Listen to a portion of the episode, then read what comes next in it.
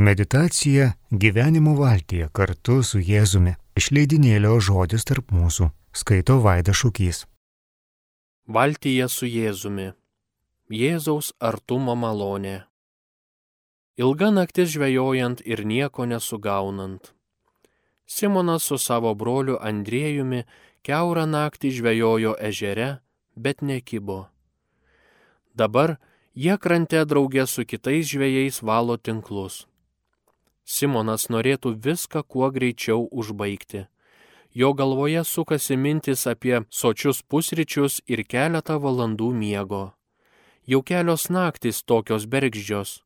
Galbūt rytoj jiems seksis geriau. Išgirdęs pakrantėje brūzdėsi, Simonas pažvelgė ton pusėn. Ten stovėjo Jėzus, rabis, mokęs ir gydęs ligonius. Kaip paprastai, jį sekė minios žmonių, trokštančių išvysti stebuklą ir išgirsti bent kelis jo žodžius. Prisartinęs Jėzus sustojo tiesiai priešais Simoną. Sugavęs jo žvilgsnį, Jėzus mostelėjo ranką. Ar Jėzus nori lipti į mano valtį? Nusistebėjo Simonas. Ko jam reikia iš manęs? Kodėl jis tikisi, kad jį paimsiu į savo valtį? Jėzus paklausė, ar gali truputėlį pasirti nuo kranto? Žmonės mane geriau matytų ir girdėtų, jei mokyčiau iš valties. O Simonas tuo metu tesvajojo kuo greičiau įvirsti lovon ir numikti mažumėlę. Bet jis nepajėgė šiam rabiui atsakyti, tad šiek tiek pasijyrė nuo kranto.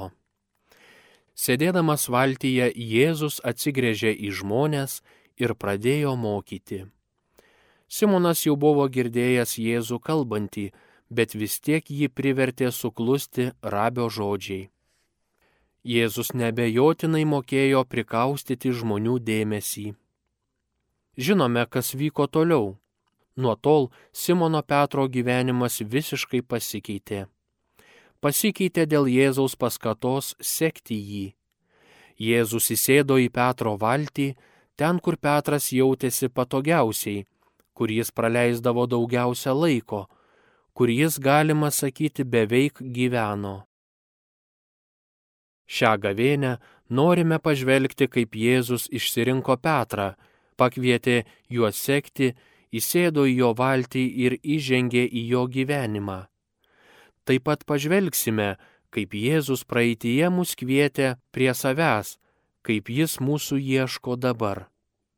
Pagvildensime, ką turėtume daryti šią gavėnę, kad Dievo malonė mums labiau padėtų atsiliepti į Jėzaus gyvenimą. Dabar sugrįžkime prie įvykių ežero pakrantėje. Ar numanai, kokios mintis sukosi Jėzaus galvoje, kai jis įrėsi tą rytą tarp žmonių? Ar sakai, kad Petro valtį jis pasirinko atsitiktinai? Juk tą ryt pakrantėje buvo bent dešimt, o gal ir dvidešimt žvėjų su valtimis. Ne, tai nebuvo atsitiktinumas. Jėzus tikrai ieškojo Petro ir jo brolio Andriejaus. Jis norėjo kai ko daugiau iš šių dviejų žvėjų, ne tik to, kad jie taptų jo sekėjais. Jėzus troško tikros draugystės ir tikro artimumo su jais.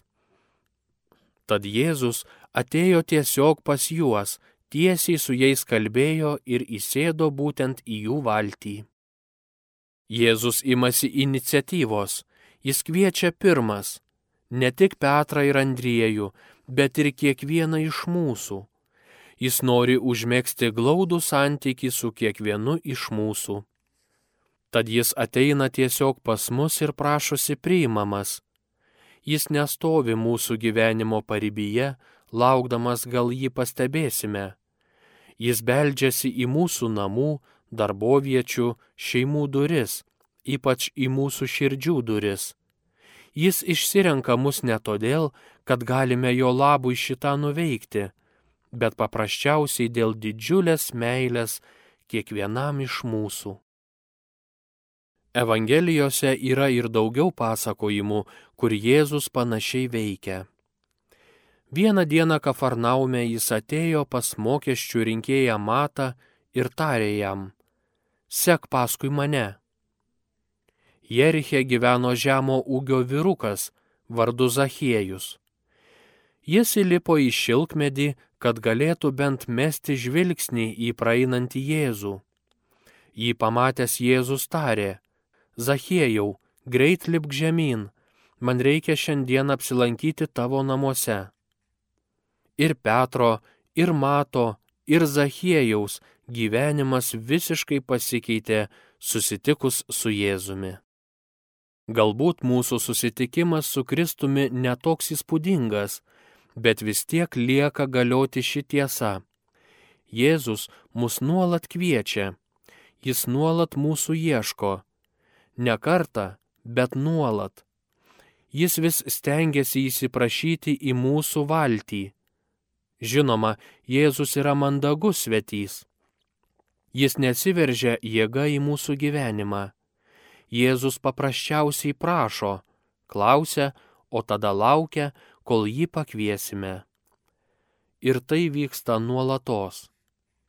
Ypač gavėnios metu Jėzus nori įžengti į mūsų gyvenimą ir paveikti kiekvieną mūsų esybės dalelę, mūsų svajones ir troškimus, mūsų mintis ir baimės, mūsų įpročius ir nuostatas. Jis nori pripildyti mus gerų dalykų, nori visą, kas gera, sustiprinti savo malonę ir išgydyti tas vietas, kur tvyro tamsuma. Jis trokšta perkeisti ir atnaujinti kiekvieną savo troškimą, žodį ir veiksmą. Nemanyk, kad Jėzus tikisi, jog per naktį tapsi šventas.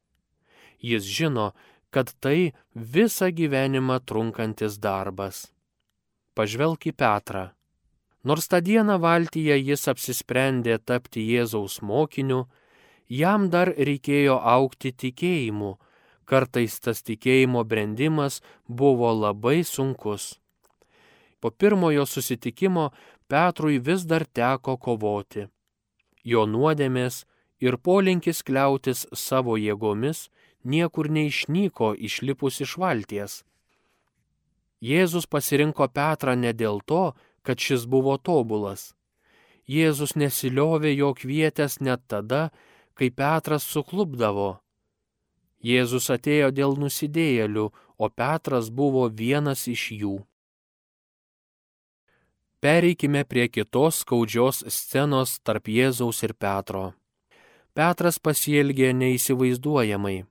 Jis sekė Jėzų trejus metus, skelbė, kad jis yra mesijas, prisiekinėjo niekada jo neišduosintis, bet pabėgo Jėzus suimant, o netrukus jo išsigynė, išsižadėjo netgi tris kartus. Atrodo, kad Petro sąžinės šis suklupimas sunkiai slėgė net susitikus prisikėlusi viešpati per Velykas. Evangelistas Jonas pasakoja, kad Jėzus vėl ieškojo Petro ir jį atrado jam įprastoje vietoje valtyje. Petras vėl išplaukė žvejoti su septyniais savo draugais. Jėzus, kaip ir pirma, atėjo ten, kur žinojo Petrą ir kitus mokinius veikiausiai esant. Atsistojęs pakrantėje, šūktelėjo, klausdamas jų, ar ką nors sugavo.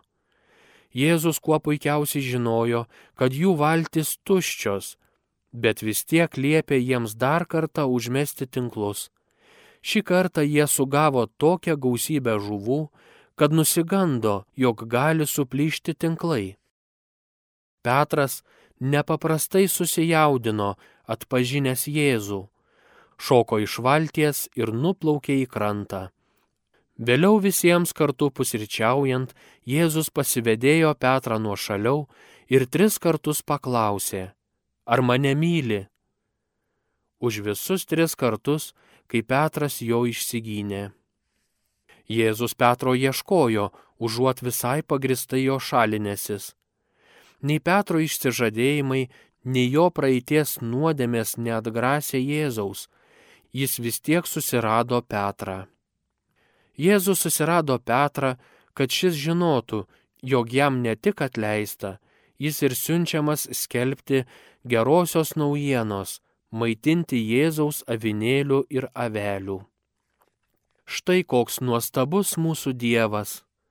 Jis mus kviečia ir mūsų ieško, net tada, kai jaučiamės to neverti.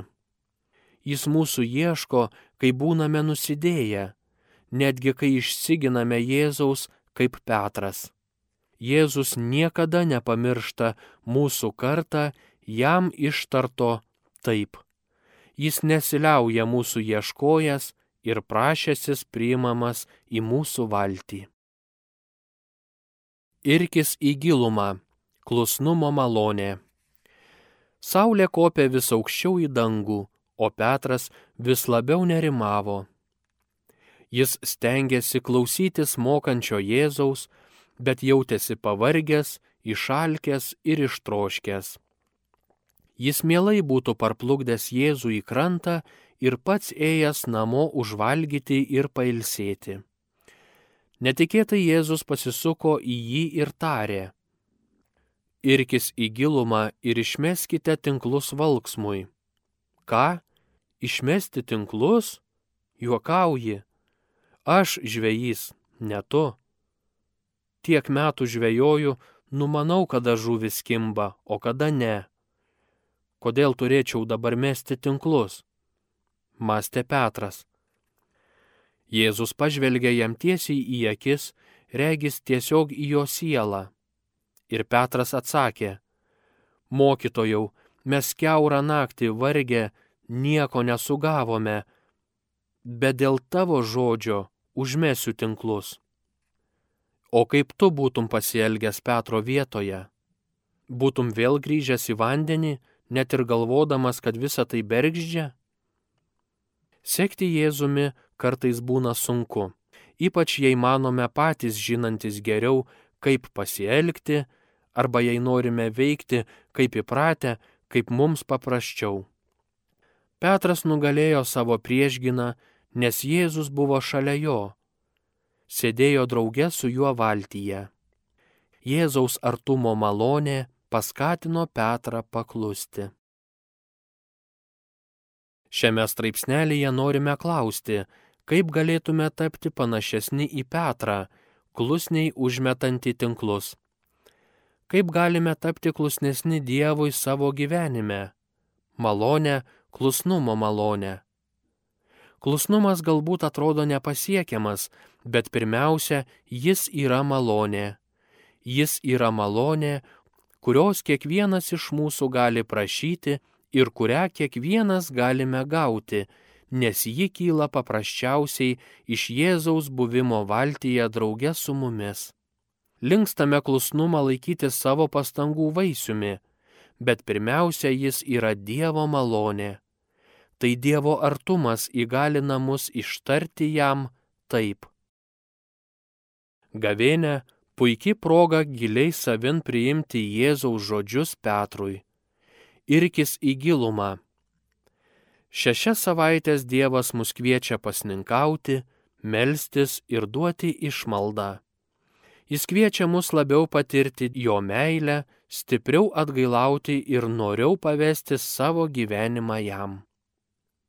Irtis į gilius vandenis gali būti baugu kur kas lengviau pasilikti savo gyvenimo seklumoje, kur jaučiame saugus ir gebame plūduriuoti. Bet saugiai plūduriuodami seklumoje neartėjame prie viešpaties, tad Jėzus liepia - irkis į gilumą. Tai nepasiūlymas, jis primiktinai mus kviečia labiau pasitikėti, nes jis dar nepabaigė darbuotis su mumis. Jėzus kviečia mus juo pasitikėti ir jam paklusti. Ko Jėzus tavęs klausia? Ar ieškosi didesnio mano artumo melzdamasis? Ar paklusi man, nors paprašysiu tavęs ko nors, ko tu bijai ar tiesiog nenori daryti? Ar išsižadėsi apmaudo? Ar stengsiesi išsivaduoti iš nuodėmingų įpročių? Ar sutiksi padėti tave erzinančiam žmogui? Ar nepagailėsi savo laiko kitam žmogui. Paklusti viešpačiui, prašančiam tokių, regis paprastų dalykų, gali būti gana sudėtinga. Tačiau Dievas niekada mūsų neprašo ko nors padaryti, neduodamas tam skirtos malonės. Tad pažiūrėkime, kaip galime atsiverti klusnumo maloniai, kurią Dievas mums siūlo šią gavėnę. Iš visko matyti, kad Petras buvo dievotas žydas, bet Jėzus norėjo jį patraukti dar arčiau savęs. Prašydamas Petrą irtis į gilumą, Jėzus jį kvietė žengti tikėjimo žingsnį.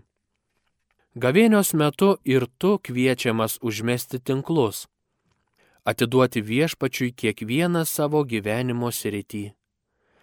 Tai prasideda nuo maldos. Tai prasideda atėjus pas jį pasiryžus visą jam patikėti ir klausiant jį, kokia jo valia man. Jei leisi laiką su Jėzumi, jis suminkštins tavo širdį. Jo troškimai taps tavo troškimais. Netgi jei jis paprašys ko nors sunkaus iš tavęs, tu labai norėsi jam paklusti, skatinamas gyvenančio tavyje viešpaties. Malonė užmesti tinklus prasideda nuo maldos, bet ji apima ir kasdienius pasirinkimus. Pamastyk apie Jėzų. Buvo dienų, kai jis jautėsi nuilsęs, tiesiog nusivaręs nuo kojų, nes nuo ryto iki vakaro keliavo, pamokslavo ar kovojo su paviduoliais ir šmeižėjais. Bet jis vis tiek stengiasi vykdyti tėvo valią. Visas jo gyvenimas žemėje buvo nepaliaujamas klusnumo veiksmas.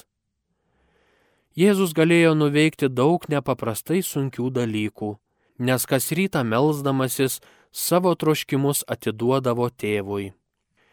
Jėzus nepasakė ir nepadarė nieko, kas netitiktų jo tėvo valios. Tai buvo klusnumo malonė ir Jėzus nori šią malonę suteikti mums. Tad skubėk pas jį maldoje, tikėdamas, kad jis, jei prašysi, suteiks tau šios malonės apščiai. Petras išvykęs daugybę žuvų, puolė Jėzui į kojas sakydamas, pasitrauk nuo manęs, viešpatie, aš nusidėjėlis. Popiežius Pranciškus panašiai atsakė, netikėtai žurnalisto paklaustas, kas toks yra Jorge Mario Bergolijo. Akimirksnį patilėjęs tarė, geriausias glaustas atsakymas tas, kuris kyla iš mano vidaus ir kuris, jaučiu, yra pats teisingiausias yra šis esu nusidėjėlis, į kurį pažvelgė viešpats. Abiem šiais pasakojimais išreiškiama ta pati mintis. Vienintelė tinkama nuostata, kai esame viešpaties akivaizdoje, yra didžiulis nuolankumas. Dievo artumoje išvystame save naujoje šviesoje. Jo grožio ir šventumo šviesoje atpažįstame, kad esame nusidėjėliai, žmonės neverti nieko, kad Dievas padarė mūsų labui. Kas aš toks, kad stočiau priešais karalių karalių ir viešpačių viešpatį? Klausėme savęs. Kaip Mozė, nusevęs apavą priešais degantį krūmą, kaip apaštalas Paulius, apakęs nuo viešpaties šlovės spindėjimo, jaučiamės esantis niekas. Šventasis raštas moko, Pasiryžimas atgailauti, širdies sugrūdimas patinka Jėzui.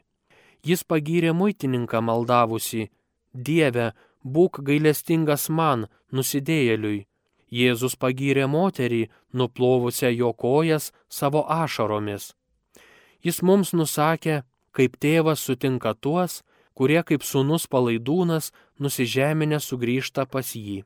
Ir mes, kaip Petras, nusijyrę į gilumą atpažįstame, kokie menkystos esame.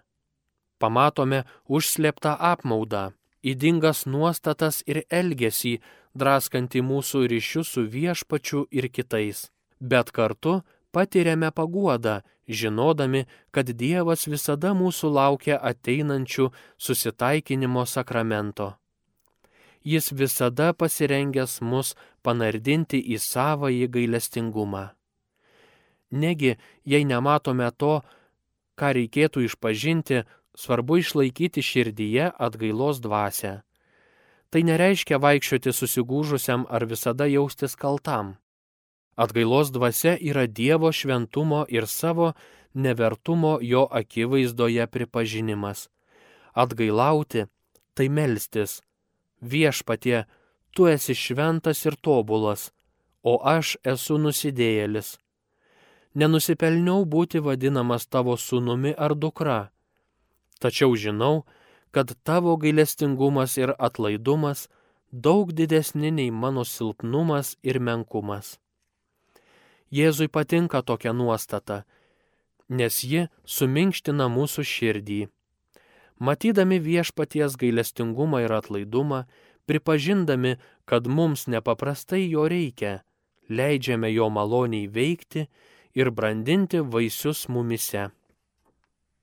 Pamenate Marijos žodžius kanos vestuvėse. Tai galime ir turime daryti kasdien, netgi jei tie mūsų daromi dalykai ir atrodytų nelabai svarbus. Kvietimas paklusti apima visas gyvenimo sritis, visus mūsų širdies troškimus ir netgi kiekvieną žodį išeinantį iš mūsų lūpų. Tai kvietimas stengtis patikti viešpačiui visais savo kasdieniais sprendimais ir darbais, kad ir pačiais menkiausiais. Tačiau tai ne viskas. Kai tari taip viešpačiui, tu irgi atsiveri jo maloniai. Kai maloniai bendrauji su sutuoktiniu, neprarandi kantrybės auklėdamas vaiką, dalyjasi tikėjimu su bičiuliu, tu bendrauji su Dievu, o jis bendrauja su tavimi. Net menkiausius klusnumo veiksmus jis laiko vertingais. O tu, žinodamas tai, ką darai, kas patinka Jėzui ir jo tėvui, irgi patiri džiaugsmą. Tad pasitikėk Dievu, pasitikėk, kad Jis yra su tavimi, kad ir kur būtum, kad ir kokia nuodėmė ar beviltiškumas tave kaustytų, kad ir koks nutolęs nuo viešpaties jaustumėsi. Patikėk, Jėzus niekada neprašytų tavęs paklusti, jei nesėdėtų tavo valtyje ir tau nepadėtų. Ir netgi jei metų metus stengiasi pakeisti kurią nors savo gyvenimo sritį, nepasiduok. Melsk viešpati padėti, o tada ženk pirmin pasitikėdamas, kad jis suteiks tau reikalingos malonės. Lipk iš valties. Misijos malonė. Petras išplaukė į gilumą ir užmetė tinklus, kaip Jėzus jam liepė. Netrukus pajuto galingą trūktelėjimą. Įtempę raumenis Petras ir Andriejus pradėjo traukti tinklus. Veikiai jų žandikauliai atvipo iš nuostabos. Tokia gausybė žuvų. Tinklai beveik trukinėjo. Žiūrėdamas į besiraitančių žuvų knipždėlyną, Petras net nusigando, ar nuo jo svorio nenuskęs valtis. Tačiau Petras ne tik sprendė praktinius klausimus, jis aiškiai suvokė, kad ką tik išvydo stebuklą. Todėl nuolankus ir apstulbęs suklupo priešais Jėzų. Jėzaus žodžiai amžiams pakeitė Petro gyvenimą nebijok, nuo šiol jau žmonės žvejosi. Žvejosiu žmonės? Kažin ką tai reiškia, tikriausiai mąstė Petras. Jam reikėjo suvokti tuos žodžius. Jėzaus artumas ir gale jau buvo įkvėpę jį pranokti save. Visa palikęs Petras keliavo su Jėzumi, rabiu iš Nazareto. Išvilkę į krantą valtis, jie viską paliko ir nuėjo paskui jį. Tai misijos malonė. Išvilkęs į krantą valtį ir padžiovęs tinklus, Petras pradėjo didžiąją savo kelionę. Iš Galilėjos jis nukeliavo į daugybę mažosios Azijos miestų ir galiausiai į Romą. Jam, pirmajam bažnyčios vadovui, buvo patikėti karalystės raktai Jis pirmasis pakrikštijo pagonis ir sutiko juos priimti į naująją bažnyčią. Galiausiai atidavė savo gyvybę už Jėzų. Visa tai prasidėjo Petrui išlipus iš savo valties. Iš kur jis ėmė jėgų tokiam svarbiam sprendimui padaryti? Ar tai buvo netikėta savaiminė paskata ir tiek? Anaip tol. Ta diena Petras asmeniškai susitiko su Jėzumi. Jis išgirdo Jėzų, kalbantį su valdžia ir išmintimi. Paklusęs Jėzaus žodžiams irtis į gilumą ir užmesti tinklus, Petras tapo didžio stebuklo liudininku. O dabar tas pats Jėzus jį kviečia prisidėti prie jo misijos. Dievo malonė, kurios liudininku Petras tapo, ta malonė, kuri vis dar vertė smarkiau plakti jo širdį, įtikino priimti Jėzaus kvietimą. Jis viską, kas jam buvo iki kaulų smegenų pažįstama, metė ir nusijyrė į gilumą, į nežinomybę. Ar išvelgsi ryšį?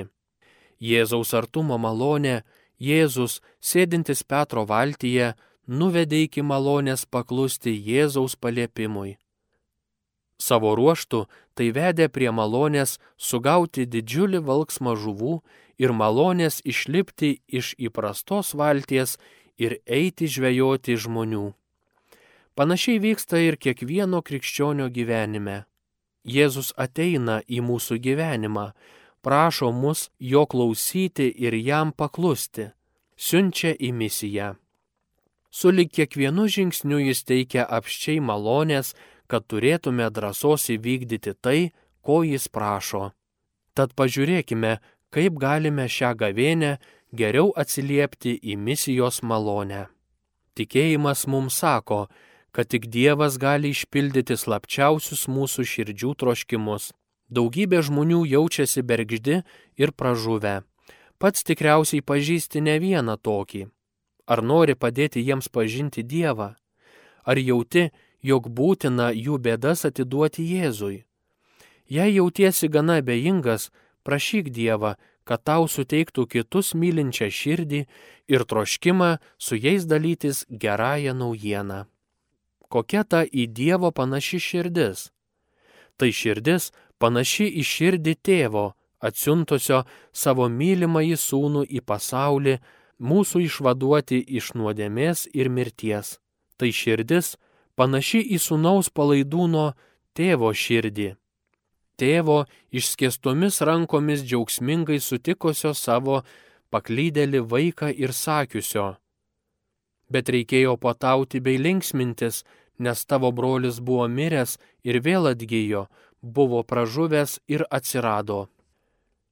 Misija yra žvelgimas tolyn ji veda pas Dievą ir kitus žmonės. Nebus jokia misija, jei sėdėsime užsisklendę savo bėdose ar troškimuose. Beje, tai gali būti labai sunku. Juk kartais patiriame tikrai didžiulių nelaimių, sunkumų, kovojame sunkes kovas. Tačiau netgi varginamiems visokiausių iššūkių Jėzus sako, lipk iš valties, noriu, kad nuo šiol žmonės žvejotum. Galbūt tau atrodo, kad be paliovos žvelgiant tolin nepavyks atlikti kasdienių pareigų. Nebūtinai. Kviesdamas į misiją, Dievas prašo neprisijimti papildomų pareigų, bet būti jo atstovu. Kodėl Dievas taip primiktinai prašo įsitraukti į misiją? Dėl poveikio, kurį galime daryti tik žvelgdami tolin į kitus. Įsivaizduok, vieną dieną nukeliauji į dangų ten prieina prie tavęs tik šiek tiek pažįstama moteris ir sako, noriu padėkoti už pasidalymą savo tikėjimu su manimi ir uždrasinančius žodžius. Esu čia tik todėl, kad per tavo žodžius ir rūpesti Dievas man suteikė tikėjimo malonę. Tada tu prisimeni tą savo gyvenimo tarpsnį, prisimeni, koks nelengvas tai buvo metas. Tu neturėjai darbo, sunkiai sudūrėjai galus, bet sutikęs šią moterį kažkaip pajutai, kad reikia ją paremti, nemastyti be paliovos tik apie save ir savo rūpeščius, galiausiai pasidalijai gerąją naujieną su ją. Ar supratai, kas įvyko? Stengdamasis nebūti užsisklendęs, žvelgti į kitą, žvelgti tolin, tu nepraleidai progos pasidalyti viešpaties meilę su žmogumi, ieškančio Dievo tad ir toliau žvelg tolin, žvelg į kitus. Stenkis išlikti budrus Dievo dvasios paskatoms. Jei išlaikysi savo širdį atvirą, tikrai rasis progų pasidalyti savo tikėjimu. Kai Jėzus pakvietė Petrą žvejoti žmonių, šis galėjo pulti atsikalbinėti. Aš visai netinkamas. Esu praščiokas, tiesiog žvejys iš Kafarnaumo. Kasgi manęs klausysis? Bet jis taip nesakė. Laimė, Petrui daugiau rūpėjo Jėzaus kvietimo esmė, o ne, pati, o ne jo paties ribotumai. Gavęs Jėzaus kvietimą palikti valtį ir eiti į misiją, gali pradėti priešintis. Esu per senas, dar per jaunas, viešpatie. Tu matai, koks aš užimtas, nemoku kitų įtikinti, negebu daryti jokios įtakos. Beje, nematau man tinkamo misijos lauko. Tačiau Jėzus vis tiek tave kviečia žvejoti jo karalystiai. Jis žino tavo ribotumą ir trūkumus. Kaip sakoma, jis nešaukia pasirengusiųjų, bet parengia pašauktuosius. Jis gali pakviesti tave, kad ir kur tu būtum - darbovietėje, kalėjime, slaugos namuose ar namie prižiūrėtum savo vaikus ir anūkus. Nemanyk, kad tu nelabai ką gali papasakoti, nelabai kuo turi pasidalyti. Žinoma, nepatyriai tokio atsivertimo kaip apaštalas Paulius, todėl tau te reikia dalytis tuo, ką pats patyriai kaip Dievas veikia tavo gyvenime palaiminimu ar sunkumų valandoms atėjus. Pasidalyk artumo su Dievu akimirkomis, pavyzdžiui, per mišes ar skaitant šventą įraštą ar švenčiant vaiko gimtadienį. Paprasti pasakojimai įtikina žmonės, kad Dievas veikia ir jų gyvenime, kad ir jie gali jį sutikti savo gyvenimo kelionėje. Šventoji Teresėlė Avilietė rašė, Kristus neturi kito kūno, tik tavo. Žemėje jis neturi nei kitų rankų, nei kojų, tik tavasias. Vadinasi, tu esi jo rankos ir kojos, jo akis ir ausys. Tačiau gavėnę pamastyk, kur ir pas ką Jėzus nori nueiti tavo kojomis. Galbūt pas bendradarbį, kad jį paguostum ir pastiprintum galbūt pasiskaudintą žmogų, kuriam reikia maldos, galbūt pas vaiką, kuriam gali padėti ar duoti patarimą. Kristus gyvena tavyje ir tu gali kalbėti jo žodžiais. Ši misijos malonė būti Kristumi visiems prasideda ir baigėsi Jėzumi. Be jo mes nieko negalime. Jis visada mūsų ieško, te reikia tai matyti. Šią gavėnę mes ieškokime Jėzaus. Nori kvieskime jį į savo valtį, kad jis mums suteiktų malonę, jam paklusti ir malonę palikus savo patogią vietelę, keliauti su juo į misiją. Suvok visa širdimi, kad Dievas negaili savo malonės. Jam te reikia atviros ir pasitikinčios širdies. Meditacija gyvenimo valtyje kartu su Jėzumi Iš leidinėlio žodis tarp mūsų skaitė Vaida Šūkys.